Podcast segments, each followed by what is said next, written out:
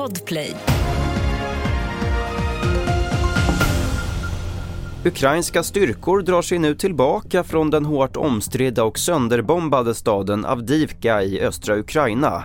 Det uppger landets försvarschef som säger att man gör det för att förhindra att bli omringade av ryska styrkor. Mer om det här på tv4.se. Över hundra personer har gripits i flera städer i Ryssland i samband med spontana manifestationer för att hedra oppositionsledaren Alexej Navalny.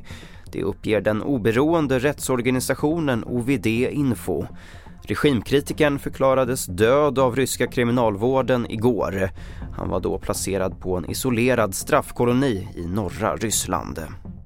Svenskarna tycker att Tidöpartierna har bäst politik i allt fler frågor. Det visar en opinionsundersökning som nyheterna har beställt.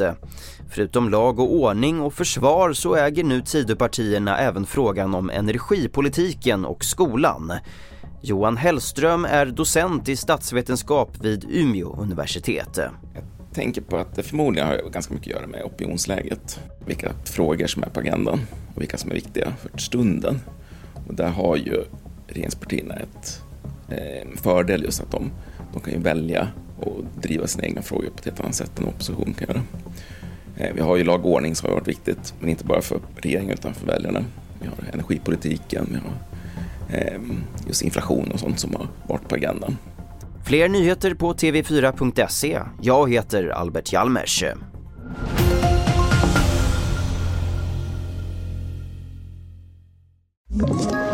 Ett poddtips från Podplay.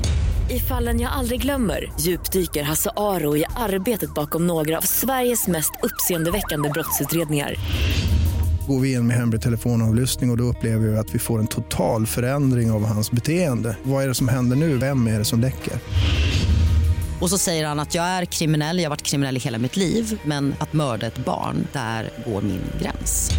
Nya säsongen av Fallen jag aldrig glömmer på Podplay.